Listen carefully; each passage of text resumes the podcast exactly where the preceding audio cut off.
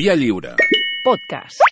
Au village sans prétention, j'ai mauvaise Tranquils, eh? Tranquils, que ja sé que ens acostem a les 11, però ja després de les 11 eh, seguirem, no cap problema. No hi haurà butllet informatiu, no passa res. Hola, Malcolm. De Hola, bon dia. Hola, Santi Jiménez. Què, eh? Hola. Què passa, què passa? Hòstia, Què passa? És que, és que ni, ni et tapes, eh? De què, eh? Tapa't una mica. Ja no, ja no t'amagues, eh?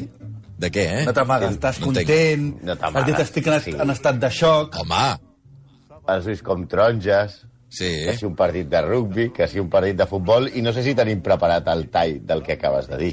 De quin, de quin tall m'esteu parlant? De, hi ha un tall No sé. del que acabo de dir? De què? A veure, Sí, hi ha un tall. a veure. Teu. Meu? Espera't un Acabo només amb una pregunta, perquè he vist que també col·labora el celler de Can Roca. Escolta, deixeu-me en pau. Eh, vol dir que també... Bueno, deixeu-me en pau. Una...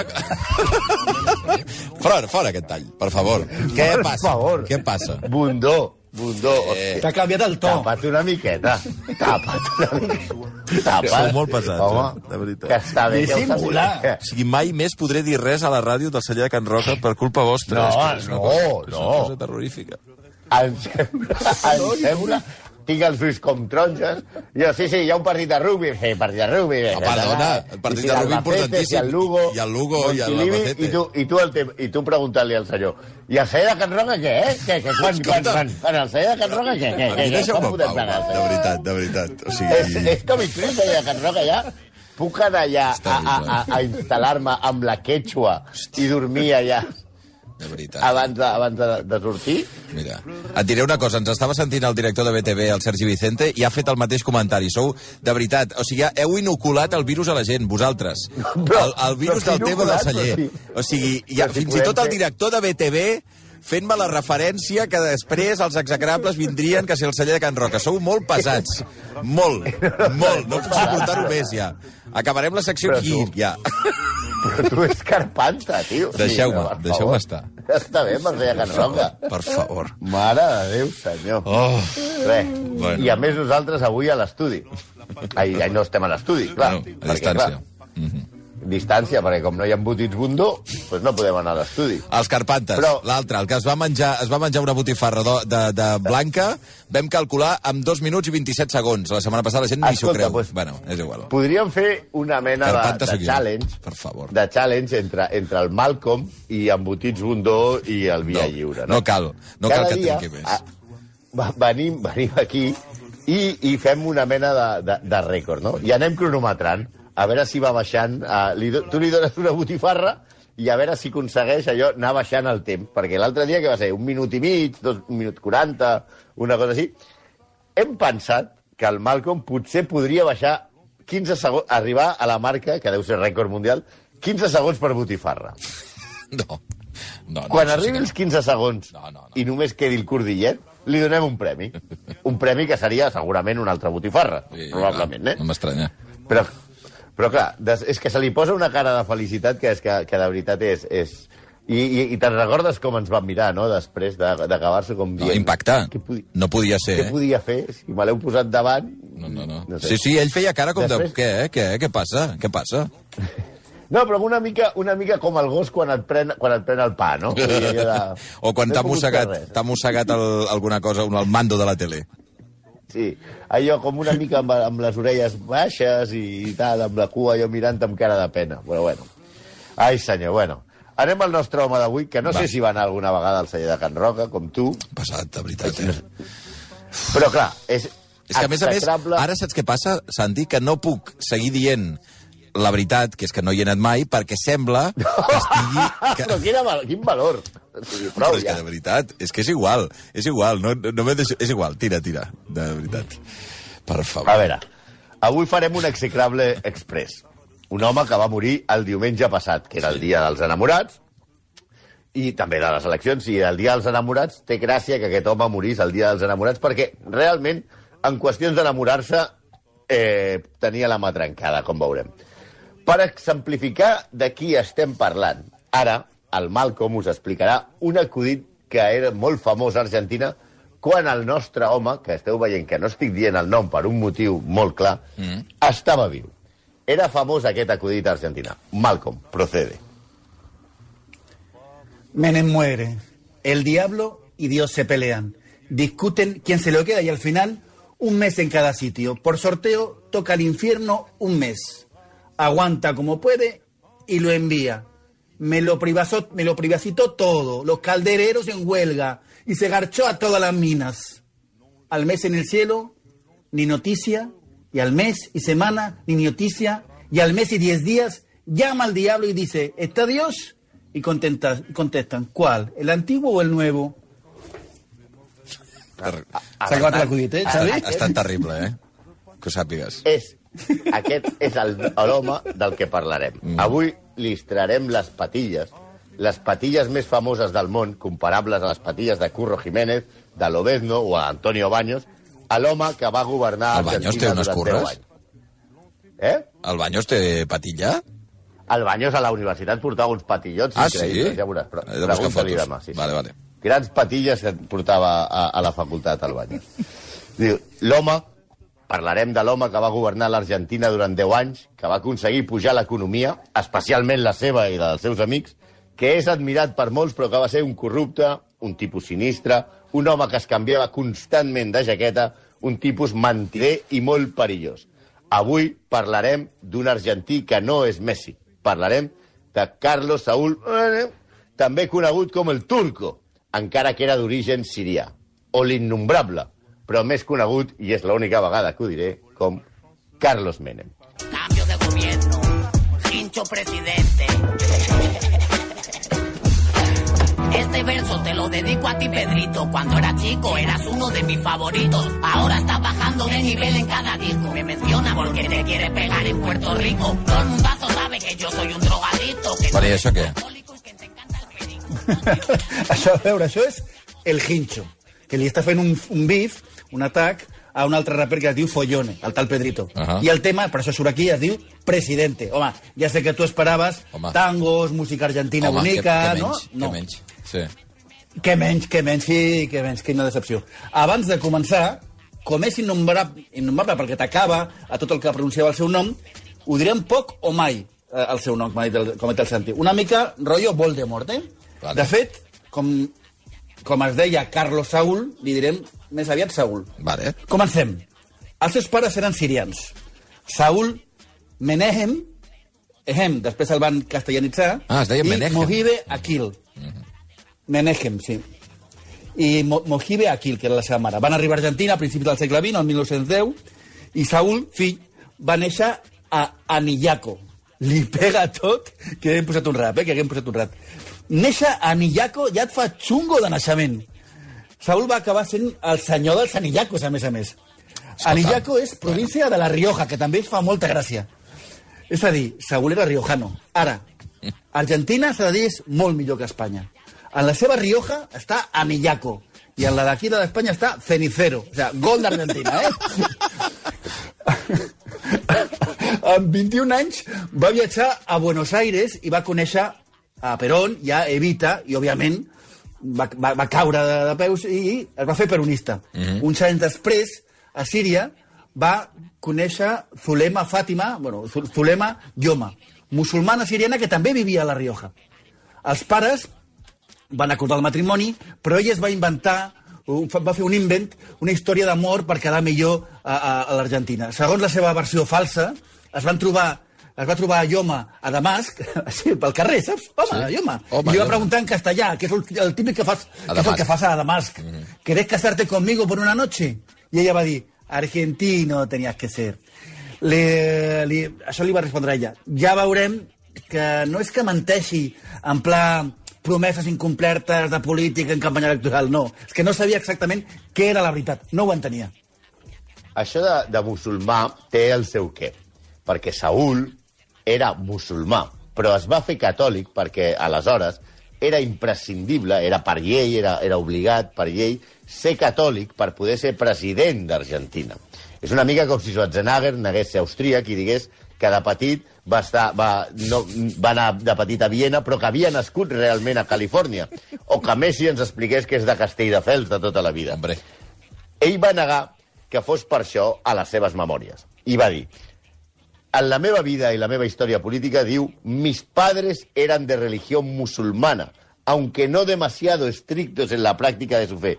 Al mismo tiempo, mi madre tenía una gran devoción por María, la verge, no la que es lía el cigarret, eh? Eh? que se acrecentó después de mi nacimiento. Ella explica que la seva mare va tenir, va afrontar un part molt difícil y que fue entonces cuando tuvo que buscar una visión mariana en la que la Virgen le habló de mi bienestar y de la recuperación de su salud. També Molufés escriu a las seves memorias. Muchas veces me cuestionaron o dijeron, sin conocer, que mi condición de católico era mentirosa. Home, molt creïble, poder sí, però a més a més explica, per, per, per, per, per adornar la història, que a una veïna el va per fer-lo entrar en el catolicisme en secret. O sigui, Però- normal que et passa. Sense dir als Ets seus pares. I la veïna... Et, et, et, sí, clar. És molt boig, et- és molt un boig, dia això, eh? i et bateja. Vale. Però, a més a més, o sigui, si encara no us ho creieu, encara hi ha més. Una de les seves últimes paraules, quan estava al llit de mort, s'ha sabut que li va dir a la seva filla no hay más Dios que Alá y Mahoma es su único profeta. Per tant, diguem-ne que això del catolicisme no era massa. I, a més a més, va demanar que l'enterressin al cementiri islàmic de Buenos Aires. Aquest tio mentia tant que valia per ser president del Barça. Podia dir tranquil·lament que havia pagat 54 milions i punt per Neymar i ho escriuria a les seves memòries sense tremolar. Sí, ja han dit que es va fer peronista i a l'any 55 hi ha un cop d'estat a Argentina i s'instaura la dictadura militar d'Aramburu, que aquest no és Kit Patria, eh? Un any No després és el Fernando. El detenen... No és el Fernando. El detenen per conspirar contra la dictadura. Té 26 anys. Passa un any a la presó i un any més tard cau la dictadura. Es presenta com a diputat per La Rioja i a l'any eh, 62 surt escollit, però un altre cop d'estat impedeix que exerceixi com a diputat. A l'any 66 hi ha un altre cop d'estat, ja portem tres. Bueno, clar, clar és que veure, la història d'Argentina és tremenda. Sí, sí. Sí, sí. Aquest últim... Aquest últim Hi ha el el cop d'estat d'apertura i de clausura, com la Lliga. Que burro que és. Aquest, aquest, aquest, el tercer es diu Revolució Argentina i decreta, que m'agrada, l'estat burocràtico-autoritari. I això aguanta fins l'any 73. Aquest any es legalitza el peronisme i Saúl es, va, es fa governador de la Rioja. Comença alienat amb l'esquerra del peronisme, però canvia a, un, a una ala més moderada i més aviat conservadora. Això en tres anys, que són els que triga en arribar al què? Una altra dictadura. En aquesta, la de Videla, el detenen i no li permeten anar al funeral de la seva mare. A l'any 78 el confinen. Pot viure a una ciutat sense sortir, però no pot ser de la seva província, de la seva província d'origen. O sigui, tu pots escollir on vius, però no pot ser la Rioja, en aquest cas. Més complicat que encara que el con- confinament comarcal, eh? Com que tenia eh, prohibides les activitats polítiques i ho va incomplir, el van canviar de ciutat i el van portar a Les Lomites. I la llotja, una família, recordeu el nom, això és molt important, A veure. la família Meza. Ja sabeu. Meza. Família Meza. Sí. En 1982, una explosiva guerra comenzó entre la República Argentina y el Reino Unido. Balas y cañones disparaban entre los dos por un territorio que se disputó. Por la- la És, eh? és una porqueria d'aquesta cançó, perdó, no És sé una de qui és. porqueria, cançó. Terrible, terrible. Però, però és que pensem- ni rapellada ni res. Eh, sí. Pensem que intentar explicar la guerra a les Malvines en rap i fer-ho tan malament només és possible de Anillaco, Cadenaca i Patillaca. O sigui, això és una cosa espantosa. Ai, ai, ai. Aquest horror té sentit perquè després de la guerra, que va ser un fracàs una Però, perdona, l'Anillaco Malvines- Anillaco estem parlant de... Anillaco De- de, de, se- de sello, no? De segell, no? Sí, l'Anillaco, Vale, vale. l'Anillaco, la Cadenaca, la Patillaca Ok, i les ok. Malvinaques. Ok. Uh, la dictaduraca va caure i van arribar eleccions a Argentina. El país, el nou president, era Alfonsín. Alfonsín es deia Raül, no és que li tinguem molt afecte i el fem parlar com a diminutiu. I Saúl torna a ser governador i va repetir mandat el 1987. La Rioja, Argentina, era una de les poques regions a les que guanyava el peronisme. Començava a ser important. I fins i tot la seva transcendència ja el veien que seria probablement el proper president de- d'Argentina. Però els americans, que sempre estan molt atents al que passa a, al, al pati de darrere, els hi preocupava la deriva de, de Saúl. Fins i tot el senador Edward Kennedy va fer una visita eh, a La Rioja per veure a Saúl, preocupat pel seu caràcter i les declaracions antiimperialistes que estava fent. Saúl, un home que hem vist de conviccions fortes i que era allò de si jo tinc uns principis però no tinc cap problema en acceptar uns altres, la, li ve a veure un dia Edward Kennedy i ja canvia el discurs. I deixa de fer declaracions antiimperialistes i contra els americans a fer-se més americà que Edward Kennedy.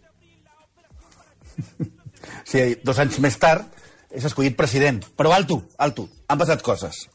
La seva relació amb la seva dona, Zulema, no va bé i vivien mm. pràcticament separats. Entre moltes altres coses, perquè us recordeu de la família Meza, Sí. que el va acollir? Doncs la filla de la família, que es deia Marta Meza, bueno, amb TH, Marza Meza, m'agrades molt, també... És molt ruc, eh? Ets molt ruc, de veritat, eh? De veritat t'ho dic. també, Eh? també el va acollir a la casa de les Lomitas, que ja té morbo, eh, les Lomitas, mentre la seva dona l'esperava a la Rioja. I es van acollir mútuament amb tanta intensitat que d'aquí va néixer un nen, Carlitos Nair. Però si estava disposat a convertir-se falsament a una altra religió, no anava a arriscar la presidència per una separació i un fill fora del matrimoni. Així que es va reconciliar falsament una farsa amb Zulema i va decidir que Carlitos Nair no existia, encara que el mantenia.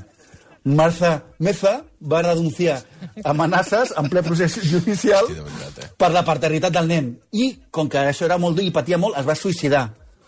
Eh, Suïcidar. I, Suïci- suïcidar. I Menem... Eh, no, Menem no! Que Saúl no el va reconèixer fins l'any 2008. Ja amb 27 anys, el nen. Sí, tela. El pare, finalment, el va introduir la família, però ja era un desastre de persona. Drogues, escàndols, i el pitjor, va participar en Gran Hermano VIP, que ja es diu Gran Hermano Famosos. De fet, avui, eh, aquest fill de, de Saúl és a la presó. Sí, a Saúl amb la família li va anar molt malament. Un altre dels seus fills, un que tenia amb Zulema, es va matar, recordareu, no sé si us recordeu, però va ser molt famós, es va matar amb un accident d'helicòpter. Eh, molt, molt, molt polèmic. Perquè es va dir que era un accident, però segons Zulema, la seva mare, un militar li va posar una gravació en el que el seu fill demanava auxili perquè l'estaven atacant en el moment abans de l'accident. Segons Zulema, Menem, li, Saúl, li va dir que el seu fill tenia un tret al front.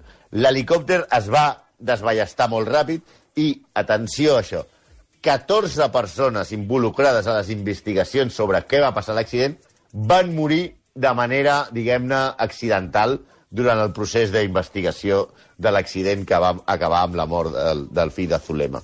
Les teories són múltiples, com podeu imaginar, des de la imprudència del pilot o la que té més, més predicament, és que va ser una venjança que ja veureu per què el seu pare tenia uns negocis bastant turbis amb traficants d'armes que eh, el, seus, el seu pare el van castigar matant el seu fill o potser es pensaven que en l'helicòpter anava ell. Sí, és que Saúl era un tipus tèrbol. Una de les primeres coses que va fer va ser reformar la justícia. El seu partit, el, el peronista es diu Partit Justicialista. Ja sabeu que Argentina té partits genials, com el Partit el Partido Intransigente. Doncs ell va reformar la Cort Suprema augmentant-la a nou membres. Cinc sempre del, del govern. Quina casualitat. Vaja. El que es coneix a Argentina com la majoria automàtica.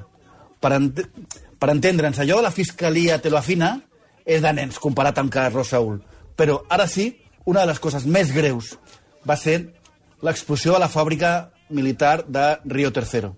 Sembla que ho va provocar el mateix govern perquè no se sabés que faltaven armes venudes il·legalment a Croàcia i Equador. Quan van morir set persones, hi va haver més de 300 ferits.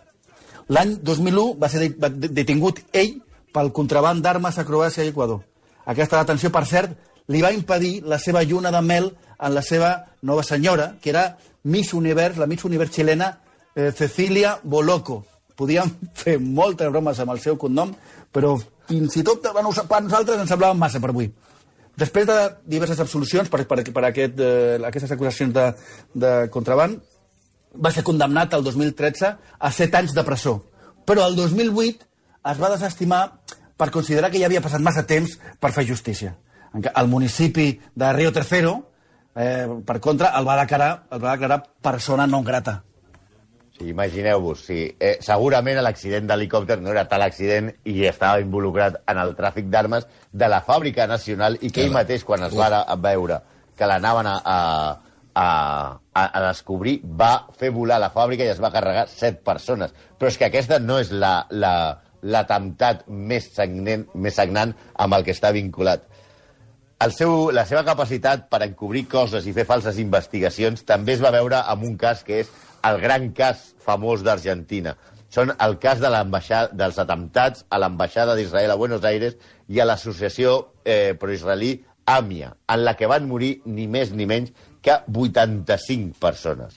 Molts anys després, aquest, aquest cas és, diguem-ne, el 23F Argentina. Argentina, el cas de l'AMIA, encara és el cas més fosc que dels últims anys a, a l'Argentina. Molts anys després es va descobrir la gegantesca xarxa d'encobriment que incloia el jutge, els fiscals, la policia i els serveis secrets argentins, so, tots sota el paraigües de Saúl. Tot i que gairebé tots els experts ho donen per fet, no es va poder demostrar mai en judici que les ordres les donés Carlos Saúl personalment per volar a l'AMIA. La Daia, la que és com es diu la comunitat jueva argentina, va dir quan va morir, Mene, va, va, quan va morir Saúl. Falleció amparado hasta el último día por sus fueros de senador que impidieron que estuviera preso. Nunca pagó por su responsabilidad en el encubrimiento del atentado contra la AMIA Daya. Hi ha molts indicis, recordeu que era musulmà, que vinculen Síria i Líbia amb aquest atemptat. En, entre els fons de campanya va aparèixer un xec de 500.000 dòlars origin, originat a Líbia i hi havia acords militars secrets que Argentina, de la mà de Carlos Saúl, havia signat amb Síria, però ell va decidir acusar l'Iran, que era xiita, i no sunita com era ell. Tot, com podeu veure en aquest home, està podrit. Sí, encara hi ha més. A part de condecorar a Pinochet, que això és un detall, Saúl havia imposat una economia ultraliberal dels rigonòmics i es portava molt bé amb els Estats Units, però l'empresa americana Swift es va queixar a la seva ambaixada i al seu govern que estaven perjudicant per no acceptar suborns al govern. Els Estats Units va fer una queixa formal. Això va, va fer caure part del govern, però alguns ja havien dimitit el nivell de pillatge que hi havia en aquell govern. José Luis Manzano va dir una frase mítica argentina que és «Yo robo para la corona». També, el 2015, Saúl, Carlos Saúl, va ser condemnat de per vida per, a, per apropació indeguda, condemnat a inhabilitació. El seu mandat es va omplir de privatitzacions que es portaven persones properes al, al govern. Un, un cas d'aquests és el Predio Rural, que és un recinte firal de Buenos Aires, que es va vendre per 100 milions de l'època, menys del que valia. També ho vam voler inhabilitar per això, però ja estava inhabilitat. I quan és perpetu no pots sumar penes. És com els nens, no pots dir dos vegades infinit. Presidente más cool al infierno en mi Ferrari con millón en el baúl donde viva internado acepto mi derrota entre La, el hospital estoy la capacitat del Malcolm per buscar raps... i- És, és el que t'anava a dir. O sigui, la, el, uh, relacionada amb, amb Menem és, és, és brutal. últimament el Malcolm només fa que punxar rap, no? Pot ser, Bueno, no? bueno, ja parlarem. Vale, vale, d'acord, d'acord. Aquest és que parla de, de Menem i del Ferrari. Ja, ja. És que anava perfecte. Vale, vale. Tira, tira, Santi. Hem perdut el Santi? Espera, a veure si el recuperem. No, he tornat. Ah, està, està. He tornat, he tornat. Vale, vale. He tornat, he tornat. Que A no força. sé on havíeu quedat perquè hi ha hagut un, un moment de tant... Vale. És que com m'he equivocat dues vegades i he dit el cognom, s'acaba d'anar s'acaba d'anar a la- a l'aparell. Claro. Aquestes coses a Argentina passen perquè No es pot dir, no? Saúl té la fama de que si tu deies el nom Sí. és mufa. Sí, Hosti. I això és el que ens acaba passant. Tot sigui Què vol dir esmufa, perdona? A veure, mufa és gafe. Ah, gafe, Eh, és que vale, porta vale. mala sort. De, de fet, a Argentina la gent no diu el seu nom. No, eh? Parlen de el innombrable, el Voldemort, perquè quan tu dius el cognom passen coses com la que, la que ens acaben de passar. Vale, vale, Vale. d'acord. Carlos Saúl era, a més a més, un polític que ja he vist corrupte, assassí, eh, eh, un, un, una, brague, una bragueta de tigre, eh, eh, renunciar a la religió, tot, tot el que voleu. Però, a més a més, era el populisme eh, en vena. Era com Gil i Gil. Donava molt espectacle. En el segon any de la seva presidència, per exemple, va fotre fora de, de la Casa Rosada la seva dona i aquesta, i aquesta discussió matrimonial de tirar-se els plats pel camp es va televisar en directe. també corria el rumor que tenia un cocodril a la seva piscina. Què dius, També... home? Sí, sí, això, això a Argentina t'asseguren que era veritat que Menem tenia un cocodrilo en la, en la pileta. També es reunia amb, amb totes les celebritats que passaven per Buenos Aires. Era famós amb Argentina per haver estat amb el Rolling Stone els que va convidar a menjar pizza i xampany. Va jugar a futbol, com no, amb Maradona, amb el que es va, va tenir els seus moments de portar-se molt bé i de portar-se molt malament. També va estar sempre amb Lady Di, que anava a Buenos Aires. També amb Madonna. Era un Gil i Gil amb cabell i patilles. Però el que ens fa més gràcia, i per això ve la cançó, és aquesta història. Un empresari italià, que es deia Massimo del Lago, volia una concessió d'una autopista a Buenos Aires i li va regalar un Ferrari a Saúl. Un papinaco, que era un 348 TB, que Carlos Saúl deia que era mi, mi Ferrari. Només va arribar, el va, només va arribar, el va provar. I el va posar, atenció, el president eh, del país, per la, per la carretera, li regalen el Ferrari i posa a 190 quilòmetres per hora. Hosti, només- Anava tan follat que es va saltar els peatges, No, òbviament, no. per no frenar. No, home, no. Al tornar a la seva residència i ser preguntat pels periodistes per la velocitat i per la seva i, i, i, i per la seva falta de, de sentit comú, va dir Sí, es verdad que lo hice, pero soy el presidente. Van començar ja les està. crítiques Ah. i la resposta és mítica. La, clar, li van dir, hombre, li han regalat el Ferrari, el Ferrari és de l'Estat. ¿Por qué lo voy a vender? La Ferrari es mía, es mía. La polèmica creixia i el debat era a tot arreu. A la fi no va tenir més remei que cedir el Ferrari a l'Estat. Sí, ara, un cop mort, la, polètica, la, la, la polèmica és que en la seva declaració de béns, per heretar, només apareixen 26 terrenys d'un metre, que té un valor de menys de 2.000 euros. Clar, sembla que la, la societat les va cedir en vida de fer coses rares, però hi ha sospites de coses fraudulentes. No, no pot ser.